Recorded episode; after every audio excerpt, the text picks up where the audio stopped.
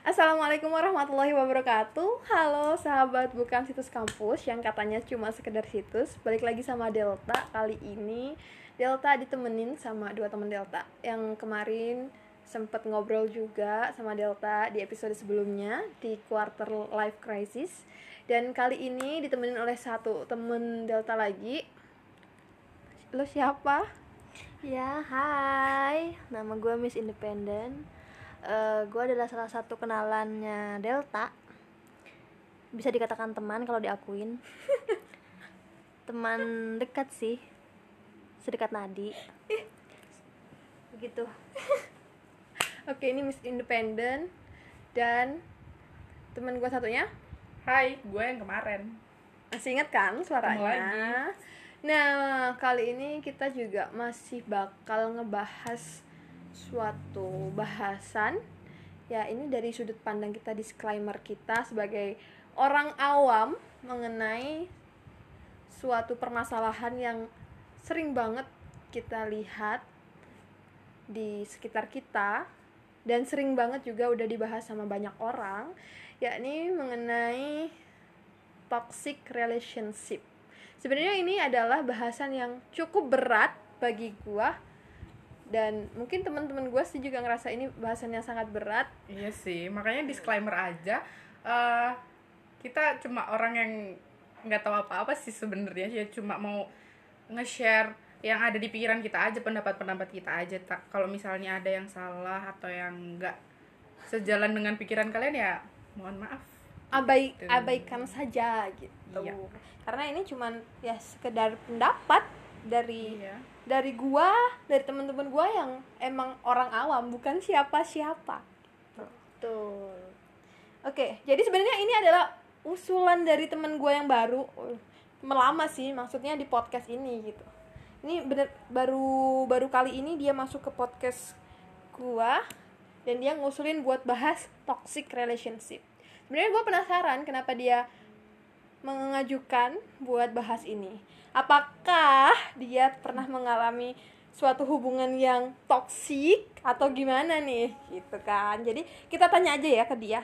Sebenarnya apa sih menurut lo toxic relationship itu apa? Oke, wow. Jadi hmm, sebenarnya kalau ditanya kenapa kenapa gue kok mengajukan suatu topik ini ya? Yang pertama, iya sih, gue dulu pernah mel- me- apa ya merasakan pernah berada, berada dalam, di dalam hubungan yang toksik gitu. Dan kenapa gue pengen ngebahas ini di podcastnya Delta?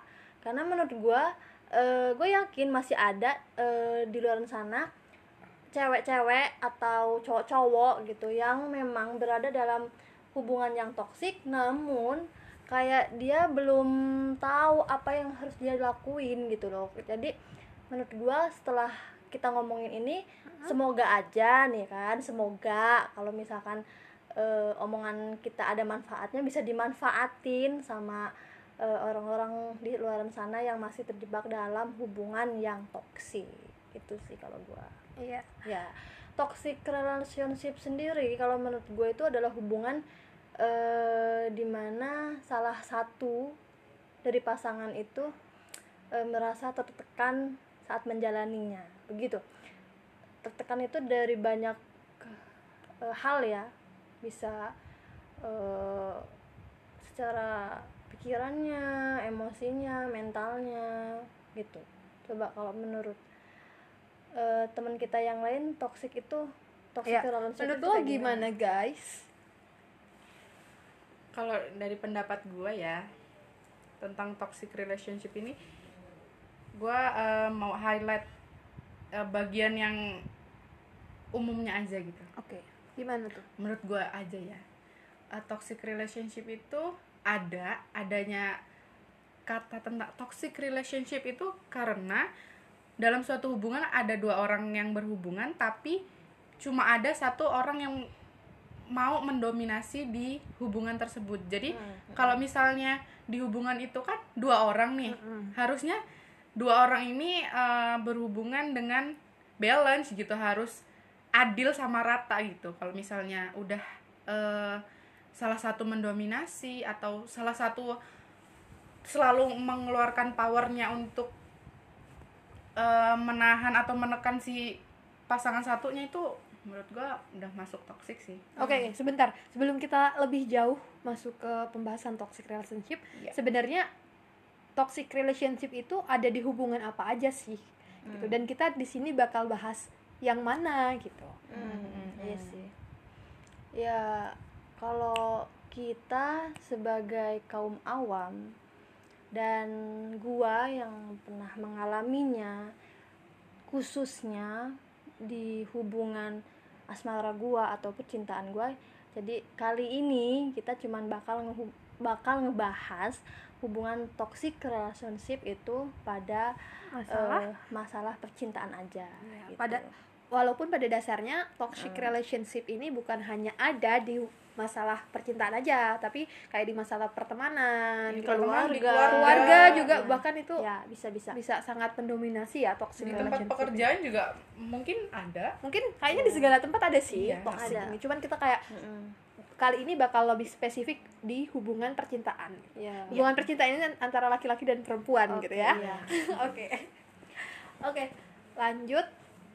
Kalau menurut kalian ciri-ciri suatu hubungan yang toksik itu kayak gimana? yang pertama itu salah satu dari mereka misalkan salah satu pihak itu diuntungkan dan salah satu pihaknya dirugikan Oke, itu Gitu. dalam hal apa tuh? Diuntungkan dan dirugikannya? Eh, bisa aja banyak ya yang bisa diuntungin ataupun bisa dirugikan misal kalau kalau apa menjalani hubungan itu kan kita pasti eh, membutuhkan suatu apa ya dukungan atau motivasi bisa aja tuh sebelah pihak itu selalu memberikan motivasi dukungan walaupun dalam bentuk apa pun itu ya. Misalkan dalam bentuk waktu Hmm. ataupun support. Nah itu kan memberikan keuntungan kepada pasangannya. Tetapi dia tidak pernah mendapatkan itu dari pasangannya. Jadi dia nggak dapetin feedback loh gitu. Jadi eh, dia eh, nggak nggak merasakan kayak keuntungan yang diberikan kepada pasangannya gitu. Benar sih? Jadi kayak dia tuh ngasih ke pasangannya, Mm-mm. tapi dia nggak dapet dari Iya, pasangannya. begitu ha-ha. gitu. Jadi kalau menurut lo tadi ciri-cirinya itu nggak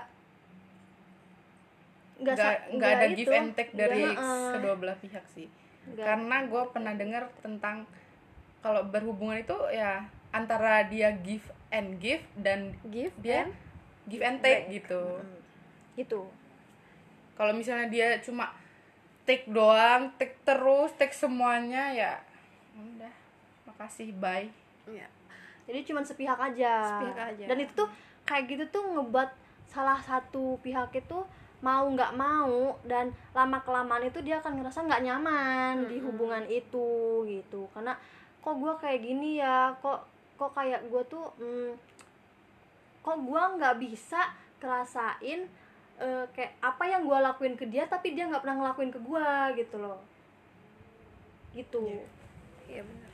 Jadi itu juga bisa jadi nggak cuman antara memberi sesuatu juga kan, bisa Mm-mm. jadi antara kayak komunikasi yang cuman Iya. berjalan satu arah itu juga masuk ke toxic Iya. relationship. bisa aja sih bisa kayak kalau misalkan eh, misalkan sebelah pihak itu cuman kayak mengiyakan aja Mm-mm. tanpa eh, apa ya kalau kalau ibaratin lagi ngobrol itu kayak sebelah pihak kayak cuman eh iya iya aja sebelahnya kayak mati-matian nyari topik, Topik.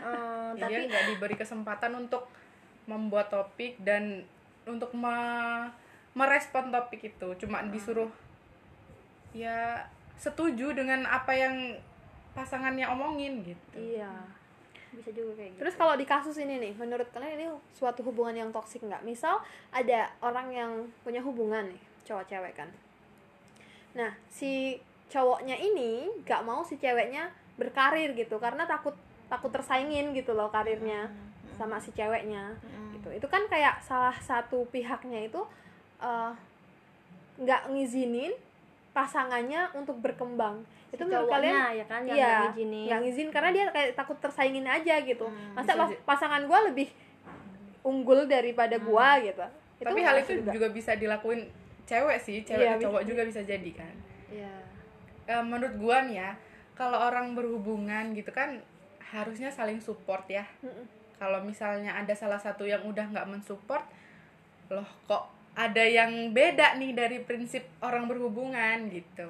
Jadi menurut gue sih itu toxic sih kalau menurut gue nih ya Iya. sebagai orang yang ya Iya. bisa aja nggak tahu apa apa Iya, gitu. karena seharusnya kalau misalkan eh, kalau dianalogikan kita masih sendiri itu kalau misalkan kita bisa mencapai sampai angka 5, kalau kita bersama berdua bisa angka 10, seharusnya bisa kayak gitu. Bisa kita tuh kalau dengan sama-sama tuh seharusnya kita bisa eh, nyampe ke atas itu lebih cepat seharusnya karena ada bantuan eh, pasangan kita entah dari eh, motivasi, Support. dukungan, support kayak gitu.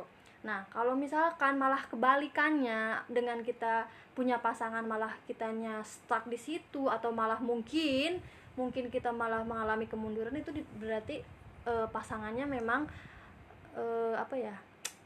Ya tidak mendukung untuk Perlu dia berprogres gitu kan. Apalagi kalau misalkan dia melarang kayak ceweknya untuk berkarir itu kan udah kelihatan banget tuh motifnya apa gitu. Takut tersaingi.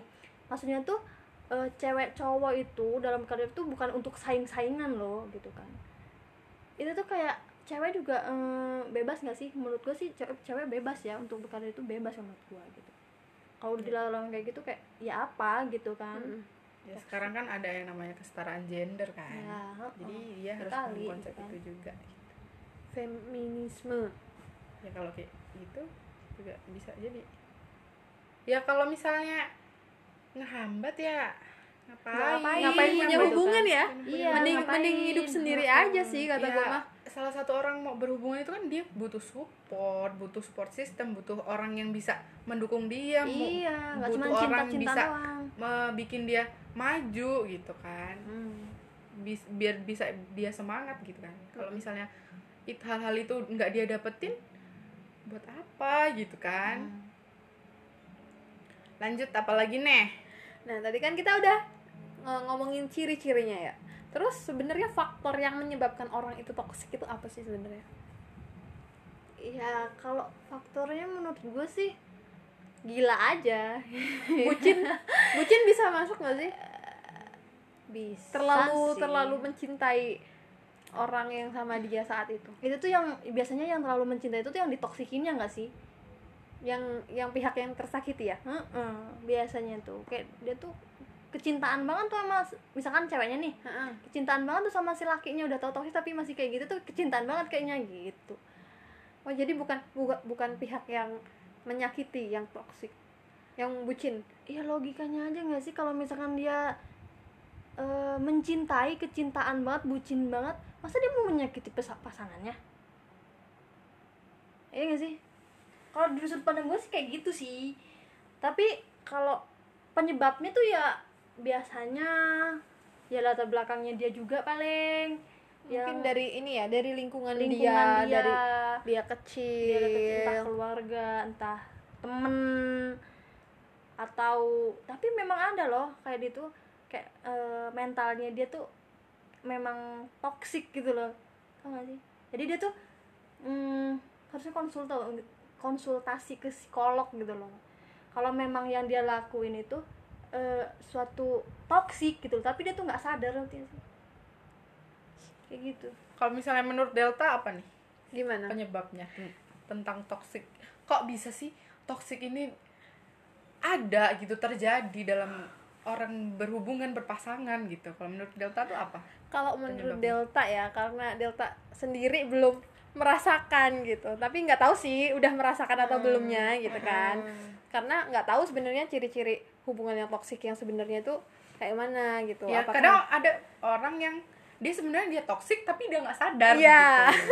ada kayak gitu. biasanya kayak gitu kan kalau menurut gua mah penyebabnya faktor dari keinginan yang terlalu besar sih kayak dia berharap banget nih pengen sama orang itu. Jadi lo itu harus ngikutin apa yang gua mau.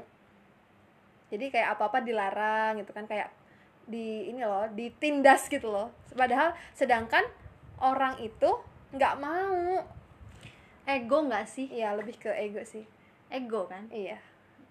Iya karena tuh gua sendiri ya yang udah pernah ngerasain hubungan toksik toksik itu tai tai kayaknya berpengalaman banget nggak sih? Hubungan toksik kayaknya segitu ya ya memang ego gitu kan. Memang eh kalau gua kan cewek nih gua. Berarti Mm-mm. kan gua ditoksikinnya sama cowok nih. Karena memang ego si cowok itu memang kalau misalkan ada di atas monas di atas monas lah gitu.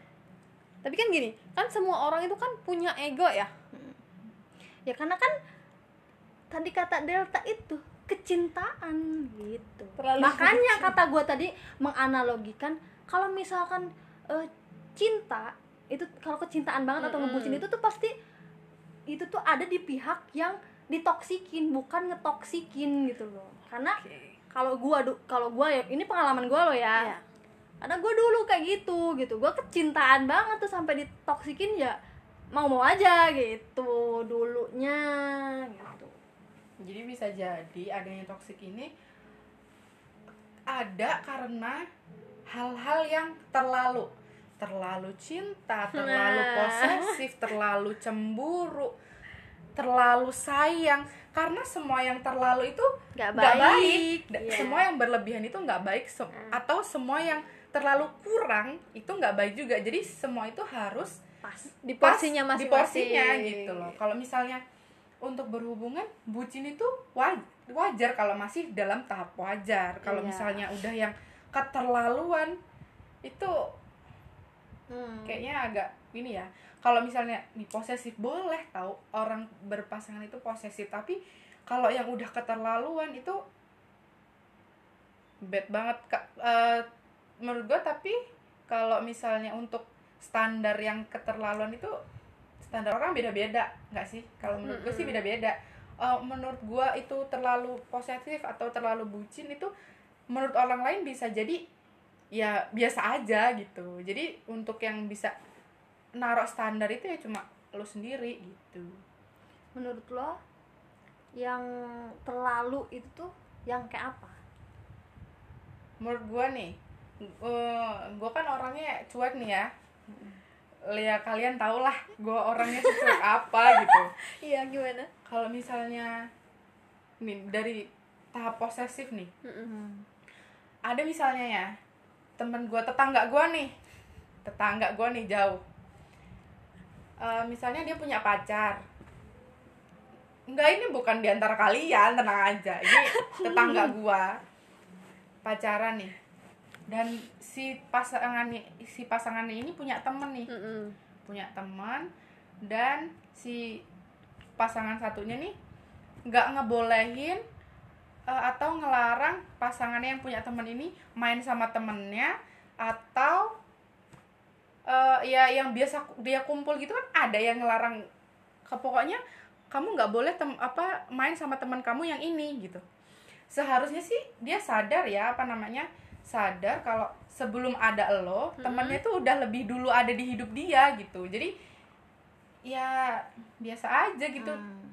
emang awalnya semuanya dari temen kan tapi kan untuk pasangan kan dia bisa milih mana yang bisa dijadiin pasangan mana yang dijadiin teman aja gitu Ya, itu kan posesif kalau ngebucin menurut lo yang terlalu keterlaluan banget tuh kayak gimana tapi gitu. posesif itu juga masuk ke terlalu bucin gak sih? Iya. karena terlalu bucin makanya dia Karena terlalu posesif. cinta. oh Iya, gitu. posesif. kalau untuk contoh lainnya apa ya? Terlalu banyak contoh jadi gue bingung nih milihnya. Terlalu banyak kejadian nyata. Heeh, terlalu banyak kejadian nyata jadi agak bingung nih. Yang simpel aja dah. Apa gitu. yang simple apa ya? Terlalu cinta ya gue sebenarnya juga bingung nih gimana dong? Kayaknya gue ya, jomblo lama itulah banget nih. ya yang kayak misalkan Promosi mungkin ya mungkin kayak kebucinan banget tuh kayak hmm, misalkan gampang banget ngasih tahu hal-hal yang masih eh, bentuknya privasi kita. Yang seharusnya nggak dikasih tahu. misalkan. Kayak mungkin pin ATM atau eh, yang lain Aduh kayak orang tuanya ya harus tahu pin ATM gitu Hmm. orang orang tua gue aja nggak tahu tuh pin tahu ATM ya kecintaan banget gitu kan menurut gue sih kalau udah sampai kayak gitu itu udah keterlaluan banget sih gitu kan sampai mempercayakan mempercayakan Privasi. hal yang Privasi. itu kan penting banget gak sih kayak gitu Iya. iya padahal belum belum tentu kan kita nggak tahu ya itu bakal disalahgunain atau atau Hmm. enggak sama Mm-mm. orang itu Iya, gitu betul. itu sebenarnya kayak eh, ngasih tahu password handphone atau sosmed itu tuh udah toxic sebenarnya. Iya tapi ya mungkin pada level yang masih belum sampai seberapanya gitu. Tapi kalau menurut gue sih itu udah awal sih. Udah kayak ya ciri-ciri awal. Iya. welcome to toxic Hmm. relationship. Iya gitu. Menurut gue sih kayak gitu. Cuman yang mau gue hmm, gini tuh kayak gue tuh nggak mau menyalahkan gue juga nggak mau membenarkan gitu loh. Mm-mm. kenapa? Karena tuh ada juga loh kasus yang kayak misalkan eh, ceweknya misalkan cewek nih. Mm-mm. cewek minta nih ke cewek ke cowoknya password sosmed segala macem gitu. Mau Untuk jadi admin apa? kali? Iya. Kayaknya sih mau jadi iya admin. Untuk apa? Untuk menjaga si cowoknya misalkan maksudnya tuh kayak dia punya siaga. Tuhan yang bakal jaga dia gitu. Nggak, maksudnya kayak siaga gitu biar dia nggak aneh-aneh di Oh, biar gak belakangnya diambil cewek lain Mm, Oh, gitu. kayak gitu bisa juga tapi kan eh gitu kan balik lagi ya ke cowoknya itu. Sebenarnya tuh cowoknya bisa dipercaya apa enggaknya sih ya gitu kan, kan, sebenarnya kan hubungan itu kan landasan awalnya itu kan kepercayaan. Nah. ya kalau udah saling apa sih namanya kalau dia dia udah kayak gitu berarti dia udah nggak percaya dong sama pasangannya. Ya, berarti- Ya, untuk tapi kalau ketika misalkan ketika dibuktikan memang keadaannya seperti itu tuh kayak gimana? Kan nggak bisa nyalahin yang cewek juga kan? Ketika si cewek itu telak buka buka buka buka buka ternyata memang ada. Gimana ya berarti emang si cowok itu nggak bisa punya hubungan. Berarti bener dong si cewek itu meminta eh, misalkan untuk buka akun sosmed itu dibenarkan kan? Untuk membuka Ya. si sosmed si cowok itu loh. Ya tergantung kesepakatan dua orang itu nggak sih Iya, yang berhubungan itu dia dari awal harus ada kesepakatan untuk boleh atau enggak buka sosmed boleh atau enggak megang HP boleh atau enggak periksa HP itu tergantung yang berhubungan gitu. Kita nggak bisa eh kalau misalnya pacaran atau berhubungan nggak boleh nih megang HP nggak boleh nih megang HP gitu. Itu tergantung kesepakatan dua orang itu sih. Dan Komun- di- seharusnya harus dikomunikasiin memang. Dan seharusnya kalau emang dari awal udah ada uh, omongan kayak gitu udah saling percaya. Ya harus bisa loh ngejaga, Ngejaga keper- kepercayaan kepercayaan itu. itu, kalau emang toh pada akhirnya gitu kepercayaan itu dirusak. dirusak gitu aja ya udah berarti hubungan itu tuh udah nggak baik. Itu kata gue kayak gitu. Hmm, gitu. Terus kalau kata gue juga ya ngapain sih si ceweknya? Itu itu yang toksik sebenarnya siapa? Si cewek apa cowoknya? Kalau udah kayak gitu itu lo nggak bisa lah nyalahin si ceweknya. Kalau misalkan si ceweknya ngebuka memang nggak ada apa-apa salah. Kalau misalkan terus- si ceweknya ngebuka terus memang ada bangkainya di dalam ya nggak salah ceweknya. Memang di sama Allah itu di ya kan kasih jalan. gini kan tadi kan awalnya itu mereka tuh udah saling ini loh. Ya ada kepercayaan kan? Berarti kan si ceweknya juga harus percaya sama si cowok gitu. Lah gimana mau percaya? Ternyata di belakangnya ada bangke. Kayak gimana bagaimana Tuhan? Ya berarti ada eh yang nggak benar dari awal di hubungan itu gitu loh. Dari awal memang gitu. Kalau misalnya udah nggak saling percaya ya dan nggak nggak misalnya satu ya satunya nggak percaya satunya nggak bisa dipercaya ya udah bye. Udah nggak benar memang. Bakal rusak gak sih hubungan itu? Iya bisa iya bisa tidak gitu semua kemungkinan bakal terjadi. Bisa iyanya ini gunanya nih. Bisa enggaknya kenapa? Eh kayak gitu tuh masih bisa ada kesempatan kedua atau memang ya udah cut aja gitu. Ya itu tergantung dari diri si misalnya si cewek itu gitu. Tergantung dari diri dia sendiri. Yang bisa memutuskan tuh dia gitu loh. Apa namanya? Eh, kalau misalnya yang kan tadi udah dibilang eh, kalau berpasangan atau berpacaran itu yang menjalani kan dua orang itu. Jadi semua keputusan yang ada ada di dua orang itu gitu loh. Kalau misalnya masih mau lanjut dengan konsekuensi yang begitu ya monggo. Kalau misalnya mau enggak dia dengan konsekuensi yang kalau misalnya lo nggak ngelanjutin hubungan itu ya begitu gitu. Semua tergantung yang menjalani gitu tapi semua itu harus dikomunikasiin dengan dua orang ya nggak cuma satu komunikasi orang. dua arah gitu intinya. Harus Kalau misalnya- apa-apa diem apa-apa dipendem ya itu tadi. Ya udah. Satunya lebih dominan jadi kan yang gue bilang tadi kalau toxic relationship itu awalnya ya dari salah satu yang dominan gitu. Iya. gitu. Jadi kita eh, ngelebar tuh tadi. Dari- sampai ke kayak panas banget di sini Iya. gitu. aduh iya. Tapi mungkin sih salah satu dari pendengar kita mungkin pernah ada gitu ya, di mungkin aja. di fase-fase yang begitu di fase hubungan yang toksik Hmm, hmm, kayak hmm. gitu kan. Jadi nggak apa-apa sih apa coba kita langsung aja balik lagi ke topik ke toxic relationship. Tadi kita udah nyampe di kayak penyebabnya ya kan? Penyebab toxic. Terus sekarang eh, menurut lo kalau misalkan udah ada yang masuk ke dalam hubungan yang, Yang toxic itu kayak mana? Cara keluarnya? Iya cara keluarnya menurut kalian gitu. Kalau misalnya udah sadar dengan lo berada di toxic relationship nih Mm-mm. eh, ya itu kesadaran dari diri lo jadi kalau lo mau keluar ya itu lo harus punya kemauan dulu. Kalau misalnya lo sadar tapi lo nggak mau keluar dari situ ya Ya. Orang nggak bisa ngerubah diri lo gitu loh. Yang bisa benar. ngerubah diri lo ya diri lo sendiri. Kalau lo misalnya lo udah nggak tahan dengan eh, hubungan yang rusak begitu ya yang bisa keluar ya lo gitu. Lo harus meyakinkan meyakinkan diri lo supaya oke gua nggak bisa ngelanjutin ini lagi gua harus bisa keluar gitu. Eh, lo juga harus ngelihat kemungkinan yang kemungkinan yang bakal terjadi eh, hal-hal yang eh, jadi konsekuensi setelah lo meninggalkan hubungan itu? tuh apa gitu. Dan eh stop me stop me memikirkan hal-hal yang belum tentu terjadi gitu. Lo lo stop berhenti. Kan ada nih orang yang kalau misalnya berhubungan nih ada salah satu pasangan yang ngomong gini kalau lo putus sama gue atau lo udah udahan sama gue nggak ada orang yang bisa cinta sama lo. Hmm. kayak Kayak gue cinta sama lo. Gini kalau misalnya orang yang Mm-mm. saling cinta se- sepemahaman gue ya nggak ada saling yang nyakitin gitu. Ya emang. Kalau misalnya hal-hal baik yang kamu lakukan nggak mungkin ada rasa bersalah atau rasa yang salah gitu. Jadi kalau misalnya lo mau keluar dari toxic relationship ya lo harus yakinin diri lo sendiri aja. Kalau lo bak- mau keluar harus ada kemauan dari diri lo. Kalau misalnya lo cerita sama sahabat lo lo cerita sama temen lo gue ada di toxic relationship nih.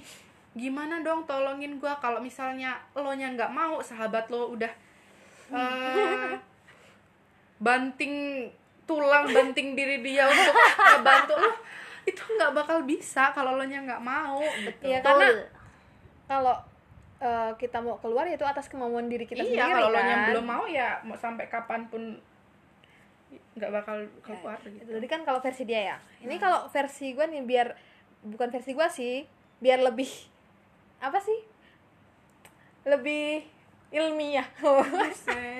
Ini disclaimer aja ya. Iya. Ini, Ini- kita nggak jelas sih ngomongnya. Iya. emang ya udah kita ngobrol aja kita sehari-hari juga ngobrol kayak gini cuma ini bedanya direkam aja gitu kan direkam biar didengar orang iya gitu. siapa tahu bisa membantu kalau misalnya nggak ngebantu ya siapa tahu bisa menghibur gitu kalau nggak terhibur ya udah yang penting dengerin aja Nah ini dari ini sih dari salah satu web atau blog dari blog psikologi. Nah ini di web ini tuh bilang kalau seseorang yang udah masuk ke dalam keadaan yang toxic atau masuk ke toxic relationship biasanya itu nggak bisa berkutik dan sulit untuk melepaskan karena butuh waktu yang cukup lama untuk keluar dari hubungan yang beracun itu. Nah hal itu pernyataan itu tadi dibenarkan oleh psikolog klinis dewasa Alfat Hanifah Megawati MC, magister psikologi. Nah, beliau itu mengatakan bahwa toxic relationship bukanlah relasi yang mudah untuk diakhiri. Karena dalam relasi itu kedua pasangan ya pihak yang menyakiti dan pihak yang tersakiti itu terjebak dalam ilusi relasi atau hubungan yang nggak nyata gitu yang membuat mereka saling mempertahankan hubungan.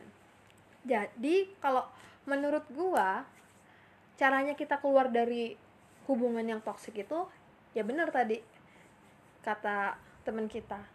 Kita harus pertama itu harus sadar dulu kalau kita ada di hubungan yang nggak sehat. yes. yang nggak sehat itu. Yang kedua tuh mau. Yang kedua itu mau.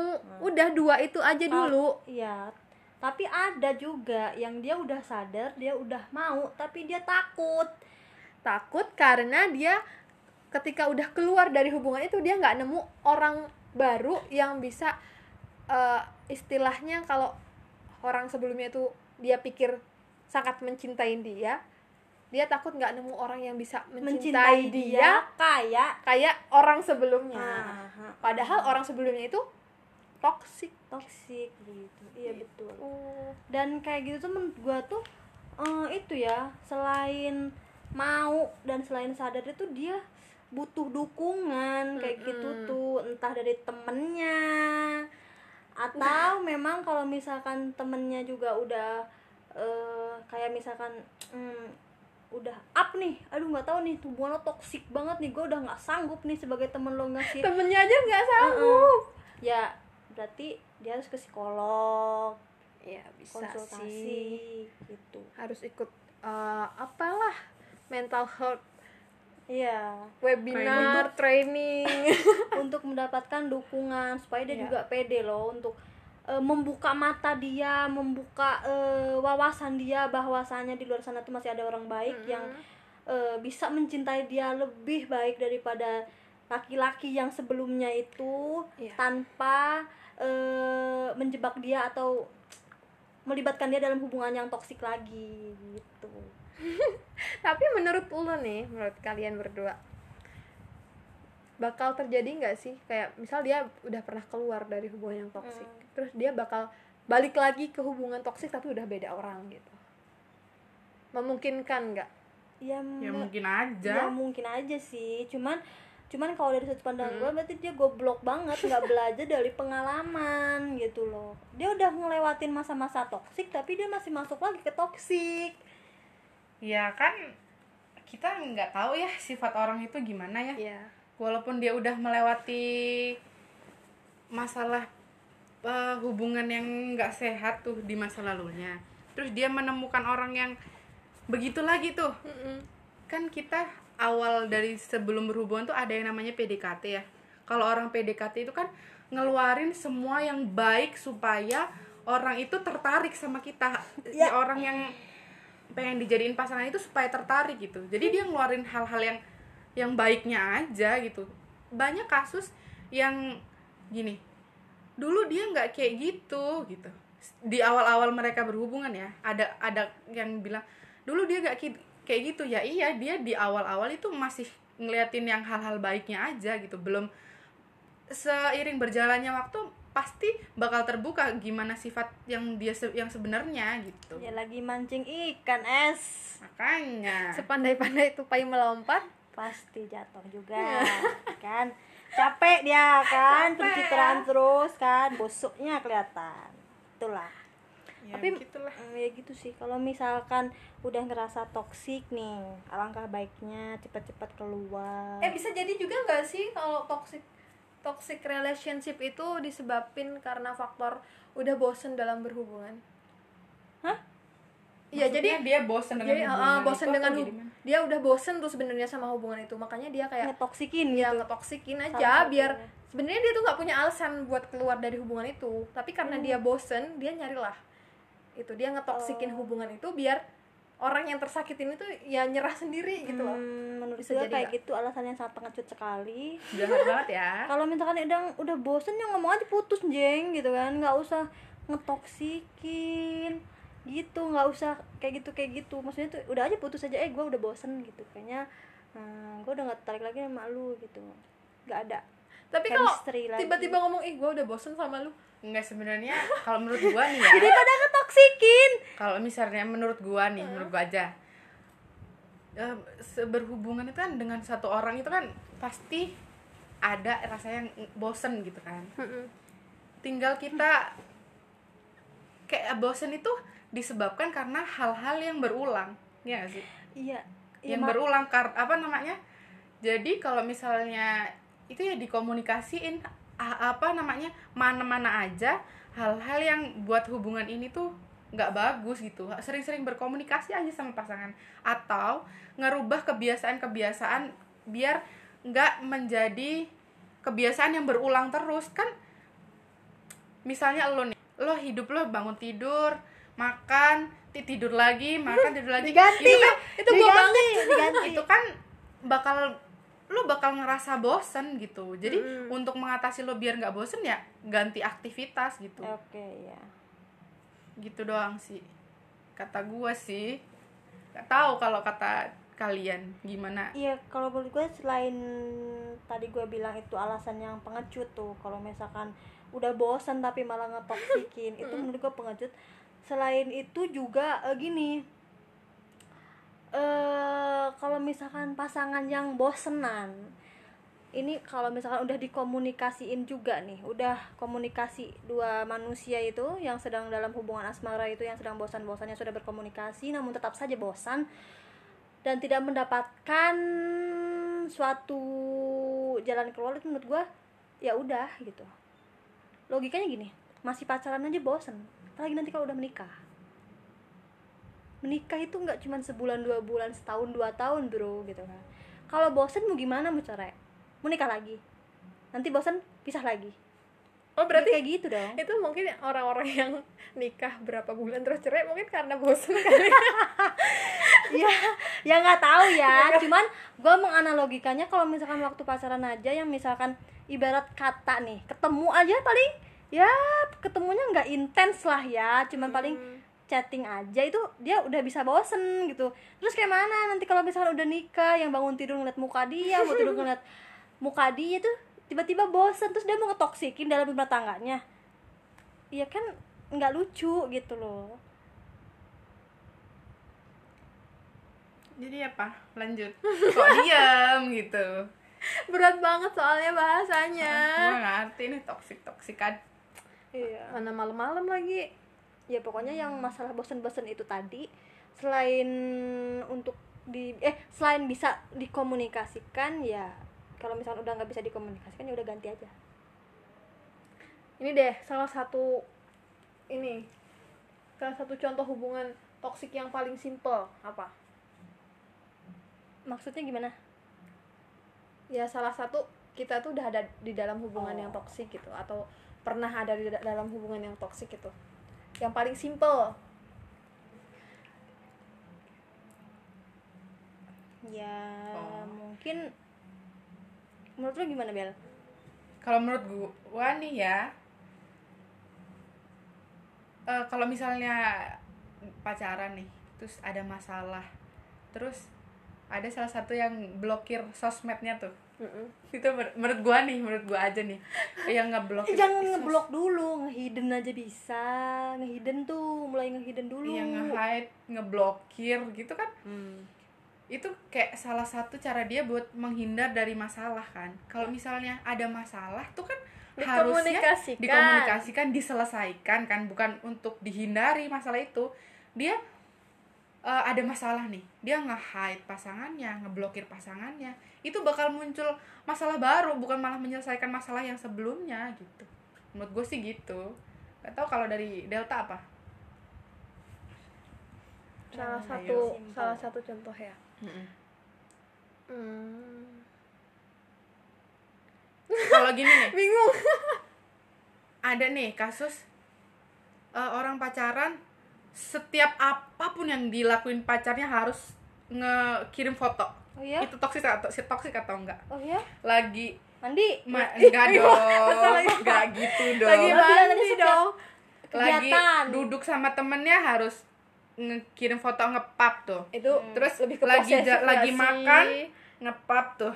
Terus apa pun lah pokoknya makan eh Gua pokoknya yakin, makan gua pokoknya yakin itu manusia itu HP-nya eh, penyimpanannya harus yang banyak. iya ya Hmm, agak sih lumayan Enggak, juga enggak. harus gitu gua gua malah bertanya ya ngapain nggak lo nikahin aja sih kalau setiap kegiatan harus harus pap nikahin aja kali biar tiap Ya. hari bareng Ya gimana? Ya, mungkin finansialnya belum siap, mentalnya belum siap untuk menjadi suami. Iya walaupun udah bersuami istri nggak mungkin juga tiap hari nempel ke suami suaminya kerja nempel istrinya lagi. Ngapain nempel? Kan nggak mungkin Ya, siapa tahu kan mungkin yang suaminya eh, ngelakuin ke- pekerjaan suaminya dan istrinya Uh-uh. ngelakuin eh, kegiatan istrinya gitu kan. Ya. atau nge- ngerjain kegiatan pasangannya. Ya ya udah begitu. Itu toksik atau enggak menurut kalian? Ayo. Kalau menurut gua tergantung pihak yang dimintain pap itu tadi sih kalau dia merasa terbebani dengan hal itu itu toksik Heeh. tapi kalau ya udah sih enjoy aja orang orang dia pacar gue yang udah nggak apa-apa. Yang enggak gitu. Itu bergantung sama manusianya menurut gue kayak gitu. Kalau menurut lo gimana? Iya. Iya, maksud gue tuh kan toxic itu kan tadi gue juga udah bilang. Kayak yang diuntungin itu cuma salah satu. Iya. Kalau misalkan salah satunya ngerasa nggak suka dirugiin itu ya memang toksik. Kalau Iya. misalkan dengan senang hati dia melakukan apa yang diminta se misalkan cowoknya nih diminta si cowoknya untuk pap untuk membelikan Alphard, untuk membelikan Beli apartemen, gitu ya. Kalau misalkan dia tidak merasa dirugikan, ya it's okay aja sih kalau menurut gua gitu. Berarti eh, dari semua hal-hal yang kita tadi omongin kita anggap toksik itu tadi kalau misalnya si yang disuruh atau si yang orang yang ini eh, kalau dia bersedia berarti itu nggak termasuk toksik ya? Bukan bersedia, kalau misalkan dia ngerasa nggak dirugiin. Lah iya di- kalau dia merasa nggak dirugiin kan berarti dia bersedia melakukan ngelakuin itu. Iya Iya, jadi berarti yang- itu bukan toksik gitu tergantung dari ininya sih berat enggaknya masalahnya sih kalau misalnya Iya. udah udah sampai ke hal yang sangat privasi ya misalnya ke pin ATM kayak gitu itu kayaknya udah toksik Kalau kayak mbak mbak bank ya harus tahu pin ATM iya makanya Mbak-mbak bang aja nggak tahu pin ATM ya. Iya mau buat akun mobile banking aja nggak tahu ya Nggak pin ATM-nya. Dia. dia gini kalau mbak pencet gitu. itu tuh nggak ngeliat mesinnya ya Iya makanya. Hmm, apalagi nih yang mau dibahas tadi kan kita udah itu udah ngebahas kayak gimana cara kita keluar dari hubungan yang toksik gitu kan. tadi apa aja sih Banyak. sadar Iya. mau dengerin aja lah yang tadi mm, terus but apa dia juga butuh disemangatin Tapi ya emang faktor pendukungnya itu faktor utamanya itu dari diri dia sendiri. ya betul Karena yang bertanggung jawab atas diri dia, ya diri ya diri sendiri. dia sendiri. Orang lain itu cuma sebagai support, pendukung gitu. iya sih iya iya Iya betul, kan? betul. karena kejadian kalau misalkan eh, seseorang itu memang belum mau Mm-mm. kita sebagai misalkan nih sebagai kan hmm, yang di sampingnya dia misalkan ada nih misalkan satu yang dalam hubungan toksik terus gini deh misalkan gue tok gue dalam hubungan toksik toksik terus lu tahu gue dalam hubungan toksik tapi gue belum mau tuh kalau misalkan untuk ninggalin hubungan itu lo mau ngomongin gua sampai berbusa mau gimana juga kalau misalkan gue belum mau belum mau sih Enggak sih gue mending diem aja. Ya, Ngapain gua gua ngomongin orang yang nggak mau dengerin gue ya? Iya Kalau menurut gue kalau orang itu belum puas dan belum sadar dengan sendirinya dia Hmm. nggak bakalan dengerin omongan kita. Jadi Iya. buat buat apa kita buang-buang tenaga buat ngomongin dia? tapi kan tadinya tadinya pasti lo punya niatan dong Iya. lo sebagai eh, teman gua tuh lo nggak mau tuh ngeliat gua sebagai temen lo tuh berada dalam hubungan toksik itu gitu kan pasti lo punya perasaan kayak gitu kan ya Ya, kan mungkin untuk sekali dua kali gue gua bersedia sih buat buat nasihatin, Wih, nasihatin gue kayak mama dede. Tahu. Kasih tahu gitu ya. iya, betul. Tapi kalau emang udah dikasih tahu terus dia tetap masih mau balik ke hubungan yang itu ya udahlah gue lepasin aja. Ngapain gue tetap megangin Hmm, sesuatu yang emang udah nggak mau gitu. Betul. ya kan kita kan cuma sekedar berteman ya. Iya kan kita juga nggak bisa ngontrol diri teman kita kan. Yang bisa ngontrol diri teman kita ya diri dia sendiri gitu. Kalau misalnya kita udah ngomongin udah ngasih tahu begini begini begini dia nggak mau dia nggak ambil pusing dia nggak dengerin ya udah gitu. Kalau misalnya anggapan gua nih oh, kalau orang yang udah mau berhubungan orang yang mau menjalin hubungan itu kan dia udah dewasa ya. Kalau orang dewasa kan harusnya tahu mana yang baik mana yang enggak gitu kan jadi begitu kalau kalau menurut gua nih ya Ya tapi kalau misalkan dia menjalani hubungan walaupun dia udah dewasa tapi kalau misalkan dia dalam hubungan toksik pasti dia juga nggak tahu kalau itu toksik awalnya. ya nggak sih? karena iya Karena dia nggak sadar juga kalau itu toksik gitu. ya dia tahu Karena tadi apa yang lo bilang? apa Ilusi? Ilusi relation apa sih relasi ilusi relasi, Itu kayaknya. dia mikirnya ya dia ngelakuin itu karena dia cinta sama gua Hmm, dan dan juga dia ngerasa kayak eh, si pihak yang toksik ini tuh kayak ngelakuin hal itu tuh karena dia sayang sama gua gitu. Mm-mm. Nah, kayak gitu. Dan itu tuh salah banget gitu kan. Itu salah banget nggak kayak gitu konsepnya. tapi kalau misalnya apa kita ngelihat sebenarnya hubungan kalian tuh toksik loh tapi orang itu nggak ngerasa hubungan itu toksik Ya kan tadi kan tadi balik lagi ke konsep kita. Kalau misalkan si pihak itu nggak merasa dirugikan dan dia Berarti enjoy enjoy nggak ya nggak toxic. toksik gitu kan. walaupun kita rasanya ih apa sih lu toksik banget Kalau misalkan dia nggak merasa dirugikan dan enjoy aja nggak toksik nggak sih? Ya nggak sih? ya mungkin bisa jadi begitu kan balik lagi nggak sih ke kayak hmm, menurut gua toksik menurut belum toksik ya kayak yang gue bilang tadi. Iya. menurut gua ter keterlaluan menurut Ternyata orang lain belum enggak, tentu Nah, gitu iya. menurut lo toksik menurut gua belum toksik nih masih di level 0 misalkan ya karena toksik lo, lo mungkin lebih tinggi daripada ah, gua gitu ya, kan. mungkin kayak gitu ya nggak tahu juga ya kan. Iya, iya nggak tahu kan. Jadi ya bener sih ya kita kan nggak bisa ngendaliin orang lain ya. Orang ngendaliin diri sendiri aja kita masih susah gitu. Untuk ngontrol emosi kita juga masih masih susah gimana kita mau ngendaliin orang lain dan itu Iya. bukan bukan kewajiban kita sih. Iya. Terus kalau misalnya nih balik lagi ke ada tetangga gua.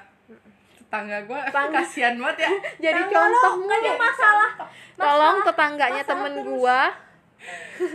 Dia kalau misalnya dia udah sadar sebenarnya dia berada di hubungan yang nggak sehat. Terus dia denial dengan kalimat dengan dalih begini. Gue percaya dia bakal berubah nantinya. Gitu. pasti ada yang begitu tuh. Ada. Menurut kalian gimana? Dia bak ya itu tadi. Dia udah masuk ke ilusi relasi itu. Kan tuh kayak gini yang bisa merubah diri sendiri itu ya dia sendiri. Nggak bisa lu ngerubah diri orang lain. Itu gak sih iya. Iya bisa gitu sih. Menurut gue juga gitu. Tapi tapi bukan berarti nggak ada loh ya yang misalkan eh, demi ceweknya misalkan dia bisa berubah itu ya juga ada Iya, gitu. kalau misalnya orang kan balik lagi kalau misalnya orangnya mau bisa. Kalau misalnya orangnya nggak mau ya mau lo rubah jadi Power Ranger juga susah Iya. gitu. iya Nih, kalau kata kata gua juga ya, kita itu nggak bisa ngerubah orang-orang di sekitar kita, tapi kita bisa ngerubah orang-orang yang mau kita pilih untuk berada di sekitar kita. Iya. iya ya berarti gue pilihan dong Iya dong. berada di sekitar lo kayak yang gua kayak yang kayak gue bilang kemarin berteman itu temen itu adalah keluarga yang kita pilih. Mm-mm. Jadi kita bisa Ya. milih nih kita mau berkeluarga dengan, dengan siapa. Nah itu berteman kalau misalnya dengan keluarga kandung lo ayah ibu kakek adik kakak itu kan itu mutlak dari Tuhan. Lo nggak bisa milih lo lahir di keluarga mana gitu. Iya. Kalau gue bisa milih gue mau jadi anak Arif Muhammad kayak kemarin kan. Iya, kemarin kita ngomongin itu kan nungguin Mbak Imwati, eh malamnya langsung keluar dia. gue bakal milih gitu. Iya. Jadi kan ya itu temen itu keluarga yang kita pilih gitu. Terus kalau kata gua ya, kalau emang kita masih bisa keluar dari hubungan yang nggak sehat itu, ya udah keluar aja. Karena Iya. kayak gini loh menyingkirkan orang dari hidup kita itu bukan berarti kita benci sama mereka. Iya. tapi itu berarti kita menghargai diri diri kita sendiri. Hmm. dan kita eh, nggak semua orang itu ditakdirkan untuk tinggal di hidup kita. Ya betul. Ya kita juga harus menghargai diri kita kalau kita itu berharga untuk orang gitu. Kalau misalnya kita udah disakitin ya berarti orang itu udah nggak menghargai kita nggak sih? Mm-mm. jadi kita membiarkan diri kita untuk disakiti. Jadi ya lo harus lari. Lari biar nggak di situ aja. Yang ngapain main di kubangan sampah? Selain bau kotor susah juga dihilanginnya iya benar. kotorannya iya. Gitu. Iya betul. Nih ada satu kutipan dari Dr. Steph Mar- Maraboli. Kata dia hubungan yang beracun dapat mengubah persepsi kita. Kamu dapat menghabiskan bertahun-tahun berpikir bahwa kamu tidak berharga tapi kamu bukannya tidak berharga kamu kurang dihargai. Ya betul. Bener kan? Betul. Jadi mending kalau emang masih bisa keluar dari hubungan yang nggak sehat itu mending keluar dari dan sekarang dahsyatnya hubungan toksik gitu ya. Mm-mm. salah satu pihak itu bisa memanipulasi pihak lainnya. Betul itu tuh bisa banget gitu. Entah gimana caranya dia tuh kayak bisa ngebuat pasangan satunya tuh dimanipulasi supaya eh, ya jadi kayak apa yang dia mau kayak gitu. Hebat banget gak sih? Manipulatif. Manipulatif banget memanipulatif banget. Dahsyat banget pokoknya toks pokoknya kalau misalkan udah ada yang masuk ke dalam hubungan toksik udah lagi cepet-cepet Iya, udah udah keluar aja dari dari hubungan yang toksik itu karena masih banyak kok orang-orang Hmm. positif di sekeliling kita yang bakal Iya. support kita, yang bakal dukung kita Iya. buat buat diri kita lebih berkembang gitu meskipun bukan dari pasangan gitu bisa jadi Iya. dari keluarga dari teman gitu Iya. jangan jangan takut nggak dapet orang yang menurut kalian sangat sayang sangat cinta sama kalian. Padahal di sekitar kalian masih banyak banget orang yang peduli sama kalian. Ketika lo buka mata lo bakal ngeliat dunia yang lebih indah lagi. Se Morning sunshine. morning sunshine. Gitu. membahas apa lagi nih? Udah udah banyak banget kayaknya ya. banyak sih. Kalau mau dilanjutin juga bisa Jadi- sampai 5 jam ke depan kita masih bisa Oke, jadi ini ini ke ininya ya, ke puncaknya. Jadi menurut kalian pertahankan atau tinggalkan? tinggalkan ya gua tinggalkan tinggalin sih kalau menurut gua Yes, tiga vote tinggalkan. tinggalkan Tinggalkan. tinggalkan tinggalkan. kayak mau jadi presiden lu pakai Iya. kampanye karena tuh nggak ada jaminan lu tuh mau nunggu dia berubah juga nggak akan ada jaminan kalau misalkan dia memang bisa berubah juga nggak ada jaminannya. Nggak ada bi- ya nggak ada yang bisa ngejamin juga. Nggak ada yang bisa ngejamin juga dan nggak ada jaminannya. Nanti lo malah jatuhnya buang-buang waktu. Ya harusnya ada eh, hal yang lebih indah di depan terus lo stuck di di situ aja. di situ aja. Lo Harusnya lo- sampah di situ. Heeh, harusnya lo udah bahagia dari kapan? Eh lu masih mau otw gitu karena kelamaan. Nanti gitu. kalau lo Bener. lo udah menemukan kebahagiaan kok gua nggak dari dulu aja ya ke sininya kenapa gua di situ terus? Penyesalan itu selalu ada di akhir. ya kalau di awal Iya. pendaftaran aja. Ya betul guys. Begitu. Ya, di awal itu pendaftaran sama anak-anak yang eh, namanya berawalan huruf A. Hmm. absennya pertama tuh pasti. A. iya awal-awal. Besok kalau ngasih nama anak jangan A. kasihan nanti kan dia maju jangan Z juga biasanya kan guru dari belakang. Tengah emang kayak gua nih. Tengah Iya. ya Independen. independen bisa jadi tengah lah ga Oke, jadi intinya guys, tinggalin. Kalau emang kalian udah ada di Nah, posisi yang gitu, lain. udah tinggalin masih banyak orang lain. Buka mata kalian, Buka bukalah mata. matamu. nyanyi Nyanyi nih. Ya udah masih banyak kebahagiaan yang belum lo rasain di depan gitu jangan kelamaan di situ jangan denial dengan kebahagiaan kebahagiaan kebahagiaan yang ada di situ gitu Iya, masih jangan ada kebahagiaan lain memaksakan gitu. jangan memaksakan kenyamanan yang palsu Asik. ya harus ingat juga eh, nyaman itu kan menipu Iya. Sesaat. yuk bisa yuk bisa gitu Udah? dah capek ngoceh mulu Ya, Udah banyak banget tadi kayaknya benar banget kata-kata kalimat-kalimat yang udah kita Udah. sampaikan buat teman-teman pendengar kita, pendengar setia mungkin ada ya. ya semoga Ada aja lah. ada lah ya Ada lah. nggak ada ya ya ada lah ya Ada masa nggak ada Oke. Ya, ini mungkin dari fansnya Delta yang selalu dengerin ya terima kasih gitu ini ini walaupun yang kita omongin ya Ya, ya nggak jelas sih. nggak jelas kan Ya, kita ini dari awal udah disclaimer kalau Iya. Kita cuma nyampein pendapat kita kalau misalnya ada yang salah ya kita minta maaf Mm-mm. gitu. kalau ada yang bener ya Ya, alhamdulillah. alhamdulillah kalau misalnya bisa dijadiin pelajaran atau kalian dapet nilai dari apa yang kita omongin ya alhamdulillah nih Tapi ada nilainya nggak sih tadi? kata gue sih enggak gitu ya udah tiga orang bacot aja tiga orang yang ngoceh aja bacot aja gabut kan ya ya kalau misalnya nggak baik ya kita minta maaf ya ambil baiknya buang buruknya aja gitu nggak sih? Pada Allah saya mohon ampun. Ya, enggak dong kak. Presentasi itu. Ya minta ampun juga sih sama Allah. Ya, Tuhan maaf. Tuhan mak Tuhan maaf nih sok tahu hambamu. Oke. Udah? Nah capek. Udah. Bingung ya udah ditutup aja kita lanjut minggu depan. Iya minggu depan nggak tahu sih mau bahas apa masih mikir-mikir. Ya kalau kalian ada ide atau pengen kita bahas apa boleh banget request di Eh, Instagram Delta. Iya Instagram Delta DLT GGRN boleh banget nanti dibales kok pasti. Oke terakhir jika sesuatu hal itu datang biarkan itu datang jika su- suatu hal itu pergi nggak apa-apa biarin aja. Biarkan hal-hal datang dan pergi. Tetap tenang jangan biarkan apa pun mengganggu kedamaian kita dan tetap lanjutkan apa yang kita perjuangkan. Mantap. Oke terima kasih semuanya. Bye bye Dadah. sampai jumpa Bye. di podcast selanjutnya. Assalamualaikum warahmatullahi wabarakatuh